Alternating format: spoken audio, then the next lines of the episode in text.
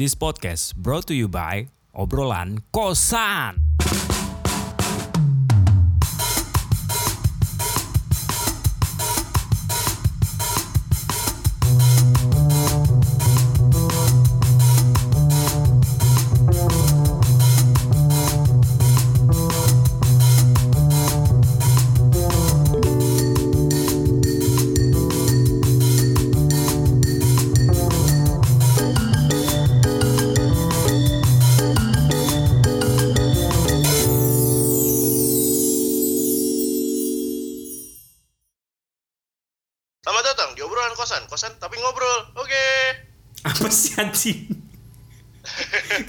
Kosan tapi ngobrol lu lama gak opening anjing balik lagi balik lagi balik lagi sama otong di sini dan komeng yang jauh di sana Oke, sorry gue lagi makan. ya jadi komeng lagi ada di Pamulang gue masih di Jogja dan kita semua masih dalam keadaan yang memprihatinkan teman-teman himbauan lu apa nih buat yang ngedengerin anjing Nggak ada sih ya sesuai pemerintah aja ya di rumah. Kalau emang bisa di rumah, udah simple sih. Ada istilah baru tuh, apa tuh yang pembatasan sosial? social distancing phys- physical distancing Enggak yang yang bikinannya pemerintah, yang aturan baru PSBB. apaan tuh Gue nggak tahu sih sebenarnya baru apa enggak, cuman gue baru dengar aja. persatuan sepak bola bola-bola Hmm, pembatasan sosial berskala besar. Pernah dengar nggak sih? Lu nggak nonton berita ya? lu lu ngerasain nggak kayak misalkan nih kalau yang di luar negeri kan udah heboh nih udah panik bener-bener yang kota tuh bener-bener mati gitu kan di sini aja gue ngelihatnya emang kita nggak ngelihat ini sebagai bencana gitu. Pertama dari menteri aja kan. Menteri bilang misal nih harga masker tinggi. Di Oh, headline itu, itu berita apa tai coba? sih, itu tuh yang awal-awal. di headline berita apa coba? Salahmu beli ya nggak? Kita bisa kalahkan dengan doa. Ada nah kita bisa kalahkan dengan doa. Masker harganya tinggi salahmu beli. Eh, Lord Luhut bilang apa corona nggak kuat di cuaca Indonesia? Tapi ada ya nggak?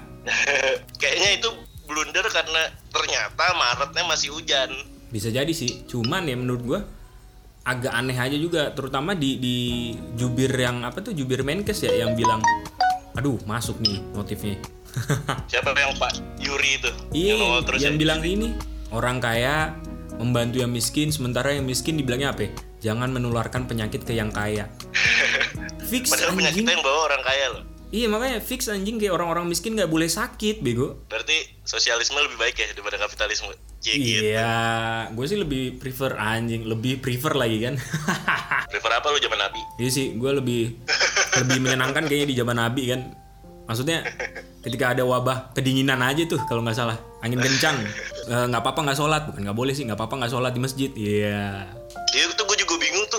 Ini soal Jumat kan nih? Soal Jumat kan nih? Gitu yang Jumat pertama gue jumat pertama masih jumatan cuy. Tapi jumatan yang ini kan udah dua hitungannya udah dua kali jumatan lagi kan? Tiga kali jumatan lah sejak kasusnya itu muncul kan? Itu dua kali terakhir gue nggak jumatan cuy. Cuma zuhur doang di kosan. Ya soalnya kalau misalnya dilarang justru gue jadi pengen aja asal anjing. Oh iya kan? Karena dilarang ya? Kan yang haram-haram biasanya udah dilarang orang jadi pengen ya? Iya makanya. Ah, dampak positif corona di elu anjir. Komeng pengen soal Jumat. Data terakhir. Hmm. Kalau lockdown per kampung gitu kayak di Jogja gimana sih sistemnya? Orang apa emang nggak boleh keluar apa gimana? Kalau di kampung itu nggak ada supermarket ya supermarket. Warung aja. Mati dong. Kalau misalkan kosan gua nggak ada burjo depan gua nggak makan anjing. Emang iya? Lah posisinya kan gua mesti keluar lagi. Totally lockdown Oh. ya burjo juga nggak bisa beli ke mana-mana dong. Orang supply kerupuk ya supply kerupuk ke burjo aja. Udah mati coy. Udah nggak ada nyuplai. Lu bayangin makan nasi urak arik ya kan pakainya makaroni doang. Kagak nendang bego. Makaroni yang 2000-an tiga rasa balado. Makanya gue bingung kalau kalau per kampung gitu bukannya lebih repot ya? Terus siapa yang disiplinin gitu? Dari kepala dusun sih gue tanya sih warung deket kosan kan. Di warung itu juga kayak social distancing gitu loh. Tapi hmm. aneh juga menurut gue dia pasang meja di depan pintu. Batas gitu kan kayak pembeli ataupun supplier distributor. Cuma di sini aja gitu tapi kan dia juga ada ngedatengin gua ya yang lagi beli yang lagi naruh laundry misal. Kan sama aja cuma akses akses yang arterinya gitu loh. Yang kecil-kecil jalan-jalan kecil gang-gang ditutup. Tapi nanti akses ke jalan utama masih dibuka. Gue gue lihatnya emang emang meskipun dibilangnya lockdown pun eh, orang pasti akan keluar sih. Cuman harus ada pembatasan apa ya, ada aturan gimana keluar tuh bolehnya berapa kali.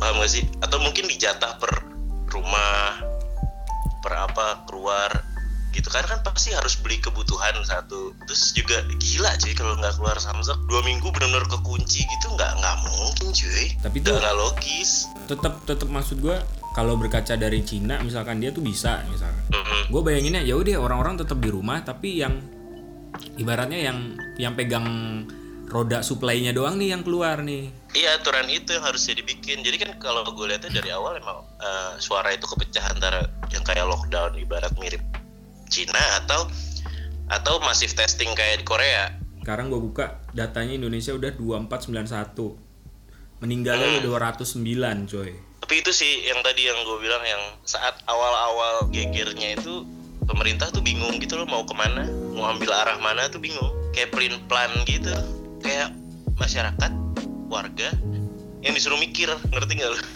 ya nggak? kadang blunder-blundernya itu yang bikin kesel John. Kalau kalau gue lihat ya di Twitter ya lumayan rame kan di Twitter tuh pada kayak distrust gitu loh nggak percaya sama pemerintah lah modelannya kayak gini lah. Apalagi waktu si Luhut nih Luhut tiba-tiba bilang akses untuk ngejamin ekonomi kan kalau nggak salah. Pokoknya dibiarin nih akses bis. Padahal Anies udah coba untuk nutup semuanya. Wah itu itu juga sih itu seru sih. iya kan? Itu Itu seru sih gue bilang. itu seru tapi ya itu yang gue bilang framingan medianya nih gue bingung sebenarnya. Kadang isu-isu yang yang menurut gue ini udah ben- bencana lah ya walaupun kita nggak ngelihat. Cuman kita nggak ngelihat ini sebagai bencana yang benar-benar bencana gitu loh. Bentuk aksinya pemerintah itu himbauan untuk nggak keluar tapi nggak dibikin peraturan gitu loh. Jadi kayak kan nggak nggak semua kantor. Kayak kayak kantor nyokap gue juga nggak bisa. Kalau tutup full nggak running. Karena perlu ada yang di kantor untuk produksi dan lain sebagainya gitu. Kecuali misalnya eh, mau dibikin lockdown tapi tetap dibikinin aturan yang boleh masuk cuma 10 gitu satu gedung satu gedung kecil gitu misalnya kan. Jadi ada jarak bikinin protokol-protokol kayak gitu. Nah protokol yang suruh mikir per kantor. Ada yang bodoh amat ada yang concern tapi kan ya udah pecah belah jadinya. Pun juga menurut gue malah pemerintah juga bingung sih gimana cara nyusun protokolnya gitu bis. Ya nggak sih? Tapi kayaknya nggak mau nggak mau rugi deh tong. Kalau total lockdown soalnya aturannya dia harus ngasih eh, makan. pemerintah harus harus menjamin. Iya harus menjamin nyuplai kan? kita. Itu yang gue baca juga di Twitter dan segala macam media itu yang ibaratnya wah iya masuk akal sih. Kalau misalkan emang pemerintah juga mintanya kita mengkarantina diri sendiri terus kebijakan per daerah untuk mengkarantina wilayahnya juga beda-beda. Eh, nah itu tuh yang waduh pusatnya nih yang kayak gimana gitu. Ada satu lagi yang aneh. Eh, Polri kayaknya menerbitkan aturan tentang penghinaan presiden atau apa gitu. Oh iya itu kayaknya rame juga cuy di di Twitter. Sekarang mana-mana yang yang up to date Twitter dah. Bikin aturan khusus mengenai pantau hoax dan penghinaan presiden gitu. Kayak anjir lagi kayak gini kalau tempat? Tidak menerima masukan ya? Tapi di masa pandemi ini gue ini lagi gue timnya Anis lagi. Dari baca berita kayaknya waras nih orang gitu. Tapi takutnya itu lagi gitu loh kan ibaratnya dulu awal-awal Anies dibilang membuat ketakutan lah segala macem ya kan? Hmm, itu gue keselnya ada orang yang bener tapi ditutupi cuma karena jangan panik biar biar nggak bikin panik. Padahal ya ya awal awal awal mindsetnya pusat kayaknya gitu deh tong. Biar nggak panik biar nggak panik tapi salah coy maksud gue harusnya menurut gue malah dikasih tahu bener gitu loh. Udah ada misalkan. Jadi orang bisa langsung prepare for the worstnya dari awal gitu loh koordinasi dari pusat ke daerah-daerahnya gimana protokol untuk melakukan tes kayak gimana gitu. Belum lagi kan tidak semua rumah sakit punya fasilitas nggak sih? Nah itu benar. Itu ke expose banget sih gimana bobroknya dunia apa ya Medis. medis kita mungkin kurang jadi concern. Kemarin tuh kalau nggak salah Terus- Aa Burjo ngomong gini pis. Ada salah siapa? satu Aa Burjo ngomong gini.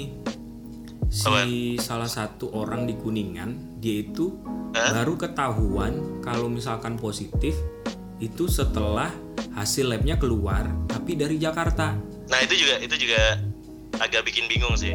Kenapa harus disetor dulu ke pusat? Kenapa nggak ada otonomi otoritas buat daerah mengolah data itu sendiri gitu kan? iya tuh ntar hasil labnya itu dikirim lah ke sono kan gampang ya Dalam bentuk data aja, tapi kan publish ininya udah di daerah aja gitu loh, jadi cepet. Kalau misalkan kayak gitu kan nunggunya lama orang keburu mati coy Gue baca cerita di Twitter, Cila, kita source Twitter banget, nggak bisa bikin tugas nih. Enggak, gue masih kalau bikin tugas blogspot kok, blogspot.com. tugas isinya Twitter dong, Twitter, Twitter. Tau dari mana Twitter? Ya, iya. Ada cerita di Twitter, eh, jadi eh, orang bokapnya sakit keras almarhum sih almarhum bokapnya sakit sakit gitu pokoknya terus dibawa ke rumah sakit gejalanya sih emang kayak sesak napas dan lain sebagainya gitu cuy malah jadi dia apa dicurigain corona. Padahal sakit jantung. Hmm, kan? udah udah udah berapa bulan apa apa nggak pernah keluar rumah nggak nggak bisa keluar gitu. Impactnya adalah dicap-cap di masyarakat. Nggak mau diku nggak nggak ada yang mau nguburin nggak ada yang mau bantuin gitu tau gak lu? Itu bukti bahwa virusnya seserius itu sih sekali misalnya lu kena dan lu punya misalnya penyakit komplikasi eh, apa ya anggota keluarga lu atau mungkin lu yang kena lu bisa jadi nggak akan nggak akan ketemu Iya makanya bisa itu disolatin nggak bisa disolatin jenguk juga mungkin nggak tahu deh bisa kelihatan apa enggak tapi yang pasti nggak ketemu paling juga teleponan itu pun juga Hmm? prosesi pemakamannya yang yang melakukan ya orang-orang yang bersentuhan dengan dia aja gitu. iya pakai baju itu kan baju Hazmat astronot itu, kan gitu. 50 juta masker tuh kalau nggak salah headline yang yang gue lihat sih di di di Twitter lagi anjing ujung-ujungnya dari Twitter. apa 50 juta masker nggak tahu katanya ada ada himbauan untuk memang- menggunakan masker sekarang ya. Kondisinya sudah sedarurat itu siapa pun keluar harus menggunakan masker. Tapi oh iya iya iya iya. posisinya masker di di luaran sana itu susah banget coy nyari. Kemarin gue ke, ke kimia farma aja ya. Dia dari jam 2 sampai jam 4 tutup prosesi penyemprotan desinfektan semua. Pas gue tanyain orangnya mbak ada ada masker nggak tapi di dalam? gitu. Kosong mas. Habis. Itu kimia farma John gue muter-muter apotek habis semua. Ujung-ujungnya gue dapet masker harga 6 ribuan itu di smile tau gak lo di swalayan kecil itu supermarket Ada. kecil itu. Itu iya 6000 dari kain dan bukan kain-kain yang menurut gue sih nggak properly buat ini ya. Apa namanya buat ngehalau virusnya. Karena ya udah itu kayak kain aja. Ujung-ujungnya gue juga beli buff terus gue dobelin gue kasih tisu basah anjing kalau gue keluar. Gue juga pakainya masker kain sih gue udah udah udah hopeless lah udah desperate mau cari masker. Kayak kunciannya udah tinggal di apa ya di hidup lebih sehat aja. Tapi kadang gue juga seneng ini sih ngeliatin orang yang kayak gini nih. Yaudah sih mati ya mati. Kena virus ya udah itu di tangan Tuhan anjing. Nah itu gue seneng lihat orang-orang itu kayak lucu anjing. Ya sama kayak kata si bintang emun itu juga kan. Ya semua kalau lu serahkan ke Tuhan juga ya udah gitu loh. Nggak kelar. Tapi untuk orang lain ya kena juga kan. Makanya gue sampai sekarang disuruh pulang nih sebenarnya ke Pemalang. Cuman kan ada gejala juga. Gue takutnya membawa nih carrier nih kan. Begitu gue bawa iya benar benar benar gue nggak tahu kalau gue bawa virusnya gue ke Pemalang gue balik orang-orang dekat gue yang kena. Bukannya gue nggak sayang anjing sampai nggak mau pulang tapi ujung-ujungnya gue malah panik. Tapi benar juga sih bisa jadi gue sekarang eh, dan mungkin memang seharusnya semua orang mindsetnya adalah kita ODP ya istilahnya. Jadi kita kita punya tuh virus gitu loh. Iya mindsetnya juga harus kenapa ini kenapa, kenapa kita pakai bencana masker gitu. ya? Biar biar kita nggak nyebar ke orang lain gitu. Kenapa kita cuci tangan biar kita nggak nyebarin ke orang lain? Gitu aja. Iya makanya kan. Maksud gue juga ini tuh bencana juga. Bencana yang ibaratnya bukan bentuk banjir, longsor, gempa bumi, angin badai kayak gitu-gitu. Tapi bencana yang lebih diam, lebih senyap pun mematikan gitu John. ngomong-ngomong tadi ngomong-ngomong panic buying gimana tuh di Jogja? Supermarket. Superindo tuh namanya. Superindo penuh pak, ngantri John. Dari ujung ke ujung. kacau sih. Terus ya menurut gue ya. Sama-sama. Nggak ada salahnya sih mereka tetap panik buying itu. Yang penting Hmm, cuman mungkin dari dari itu lagi salahnya tidak ada sistem yang yang mempersiapkan bencana dalam model virus kayak gini John yang memang mengharuskan lu tidak keluar rumah kan? Dan ya sama sih kalau di sini juga. Apa ya kemarin ya kalau gue dengar-dengar gula langka. Gula emang ini pak. Harganya naik. Bawang bombay harganya gila-gilaan cuy. Dua doang gocap kalau di supermarket. Anjing jauh pak dari Bombay ke sini. Oh iya benar. Bawang bombay bawang bombay mahal. Jadi gue mau beli bawang bombay kan terus gue lihat ya harganya berapa nih? Harganya kan kalau nggak salah tulisannya per 100 gram kan. Cuman gue lihat kok ada plastikan. Ngerti nggak lo kalau habis beli bawang bombay lu plastikin terus mau lu timbang. Nah itu tapi ada banyak plastikan kayak gitu di, di keranjangnya. Berarti banyak orang yang habis ngambil nih bang. Nggak jadi beli. Terus kan itu pada dibalikin cuman dua-dua per plastik gue harganya. lima puluh ribu lima puluh empat ribu. Oh pantesan pada nggak jadi beli. Mahal banget oh pantesan bawang putih sama bawang merah tetap berantem ya? Oh iya bener. Nia Ramadhani ya? Nggak bawang bawang putih bawang merah Nia Ramadhani kan sama Revalina? Arnas. Te- Estemat ah iya nggak tau lah.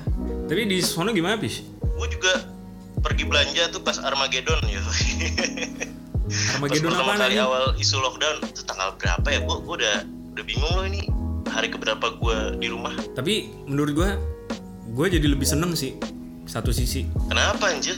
Bumi juga bernapas nih gitu. Seneng dengan orang-orang yang Ah, ya, yang ya. tetap ngejaga. Terus kayak solidaritasnya itu muncul ngelihat gitu. Kalau misalkan unity itu bisa menyelamatkan semuanya John. Kayak ada berita tiba-tiba ada rumah yang ngasih iketan mie ditaruh di pagar terus yang ngambil Iya, ojol. Iya, iya, itu gue kesebar tuh broadcastnya. Terus kayak kemarin tuh apa komunitas San Siro kan yang dari Visipol kita tuh?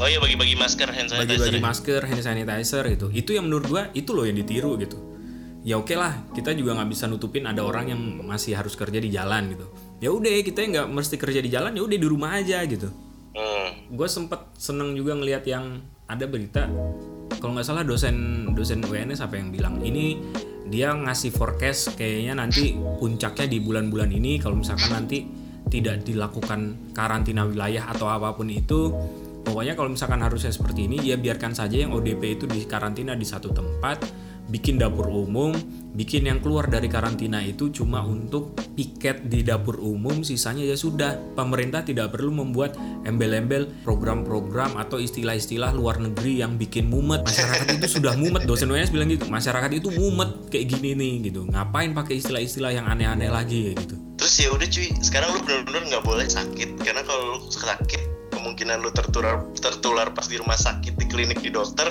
justru meningkat ya nggak sih? Walaupun gue bilang setiap rumah sakit pasti punya protokolnya, tapi fasilitasnya tidak memadai, jadi mungkin protokolnya juga ya udah gitu. bener-bener nggak kebaca apa penyakit ini soalnya. Kan bukan bukan kayak kayak pas masif DBD zaman dulu kan orang bisa ditaruh di namanya koridor-koridor gitu bisa kan? Ah, kalau ini kan nggak bisa pak. Iya sih. ini butuh space banget isolasi.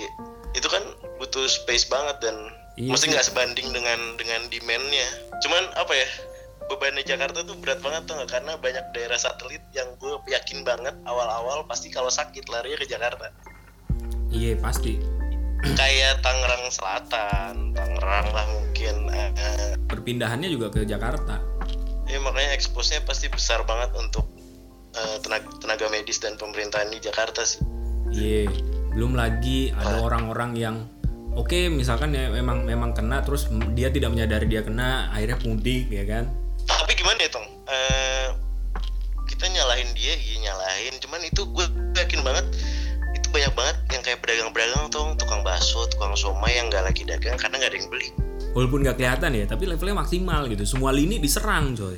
tiba-tiba kelihatan bobrok aja nih negara bobrok banget gitu. Iya, toto politik gitu. Udah tahu isunya kayak gini gitu. Isu kesehatan di dipolitisasi lah, apalah segala macem digoreng sana sini gitu kan. pembebasan api terus Ah. Anjing. Untung gua nggak jadi. kenapa nggak lolos gua anjing. daftar apa lu. CPNS Kemenkumham. Tunggu, tapi gue mau nanya, kalau semprot disinfektan di jalan, di jalan raya, pengaruhnya apa sih? Kalau ke badan orang baru masuk mau masuk ruangan, oke deh, gue masih bisa terima gitu. Cuman kalau misalnya ngeliat yang mobil-mobil dan terus dilakukan terus menerus, terus di kayak dibanggain, wah habis habis penyemprotan disinfektan ke jalan raya, emang bakal ketularan di jalan raya apa? Kayak orang emang emang ada interaksi. Misalnya gue sama lu, emang akan kita interaksi di di Megang aspal gedung ya? gitu kan kita kita bakal goler-goler di aspal terus ketemu wah kamu tahu ketularan karena goler-goler di aspal kan nggak mungkin anjir Gue malah prefernya gini pak. Ini bikin tool apa kayak yang bilik itu loh, bilik desinfektan. Kalau nggak salah ada tuh. eh. Itu kayaknya lebih efektif deh sama efisien. Tapi gue kadang suka mikir gitu loh ngapain sih harus disemprot ke orang juga? gitu loh.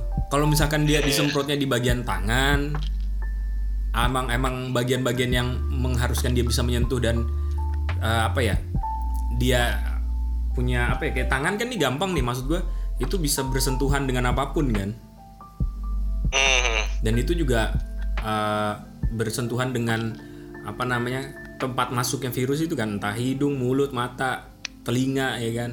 ada ada benernya ada tapi juga gimana gitu rasanya. Karena kan emang virusnya kalau nggak salah itu bisa nempel di barang benda-benda fisik kan? Nah Cuman, makanya mungkin ya udah. orang antisipasi plus juga mungkin parno orang-orang. Kayak nyokap gue deh. Gue habis belanja tuh lu bayangin tong gue ngerasa kayak anjir gue ngapain sih harus ngelakuin ini? Gue ngelap ngelapin pisang gue ngelap ngelapin belanjaan anjing pakai tisu basah satu-satu anjing capek. Kayak anjing gue ngapain sekolah tinggi tinggi gue harus ngelapin belanjaan satu-satu anjing. Capek. Atas nama kemanusiaan. Atas sama kemanusiaan Dan atas menjaga nama kesehatan. bakti, timbang nanti jadi batu ya. Habis kundang kan jelek ya kan? Corona enggak jadi batu satu sisi menurut gua bumi juga mengingatkan coy. Gue melihat situasi pandemi kayak gini kayaknya orang-orang yang pegang ideologi ekologi dalam kayak tertawa gitu loh. Udah gua bilang sebenarnya bukan kita nih tuannya gitu. Tapi yang jadi tuannya itu adalah alam ini gitu. Alam sedang bekerja menurut kinerjanya eh, menurut sistematika alamnya. Wah, anjing. Tong satu pertanyaan Tong. Eh, menurut lu orang apa WFH work from home itu privilege atau bukan semua privilege coy Nah, eh, WFH aja WFH kalau lu bisa work from home itu sebuah privilege atau bukan Iyalah.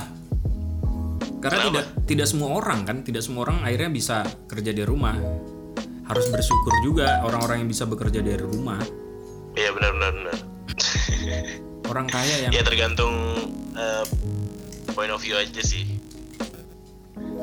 Intinya ya perspektif. di situasi yang seperti cuman ya ini. itu tapi benar sih ada benar yang mungkin memang memang privilege dan ya dimanfaatkan kalau bisa kerja dari rumah nggak sih? Betul. ya keluar rumah bener-bener seperlu perlunya aja gitu. Terus hidup lebih sehat lebih higienis. Gue literally karena gua juga hobi menyendiri jadi ya udah gue menikmati aja anjing disuruh di kosan. gue juga hobi tapi lama-lama udah enek tong nyokap gue kemarin pusing. Tapi gue gitu sih. kayak kayak nyokap nyok- kayaknya nyokap gue ekstrovert deh tenaganya habis anjing. Sampai pusing anjing kasihan. Keluar seperlunya lebih banyak di dalam aktivitasnya. Kalau misalkan emang lu nggak bisa banyak bekerja atau banyak beraktivitas di luar kenakan masker. Pokoknya sebisa mungkin karena di setiap setiap bagian gedung tuh kadang sudah disiapkan yang namanya tempat cuci tangan cuci tangan bener-bener eh di banyak ATM itu juga udah banyak wastafel cuci tangan berapa 20 detik ya Yes, 20 detik. Terus tetap aware, terus tetap kawal sama kasus ya, tetap kawal apa namanya pandemi musibah ini. Anggaplah ini sebagai bencana. dari dari sumber-sumber terpercaya tapi Iya, jangan sampai lu kemakan hoax kayak gua. bener jangan asal jangan bercandaan lu kira serius Iya, masalahnya kan gua Jangan- udah kalau kayak gini kan gua panikan anjing. jangan juga asal forward berita tuh dari grup-grup wah itu kan suka tai tuh Tahu-tahu daerah kan? sini udah lockdown, ini lockdown gitu. Boleh lockdown, asal lu juga calm down anjing. Asik. tapi gue bersyukur lo gue gak di Jogja anjing gue kayak mati deh kalau gue harus karantina di situ Nah, ini gua lagi pikirkan, besok gua lagi pengen balik. Apakah emang gua balik atau enggak nih? kayak anjing masa dunia gue cuma 4 kali 4 anjing bangsat. Gue karantina gugur anjing kayak Avi siapa tuh? Bopak? Bopak beli kompor katanya. Iya, anak-anak nggak ada balik ya? Hmm, enggak sih yang di Jogja. Bopak Rijal masih. Oh, masih ketampul anjing bandel banget. Harusnya mereka sadar diri anjing orang-orang kayak gitu. tapi emang bener sih paling susah social distancing physical distancing itu di perkampungan. Karena Guyup, ya. dirasani sama Yes. Oke deh sebelum makin panjang tong lebih baik kita sudahi Gue pengen pipis anjing dari tadi. Sampai ketemu lagi di episode selanjutnya, bro. Terus tetap jaga kesehatan, jaga kebersihan, pantau terus kasus corona di Indonesia. Eh, pahami ini sebagai sebuah bencana. Jadi kita tetap aware, tetap eh, waspada juga, peka terhadap orang-orang lain. Daripada lockdown, mending calming down anjing. Gue ulang lagi. Dah. that uh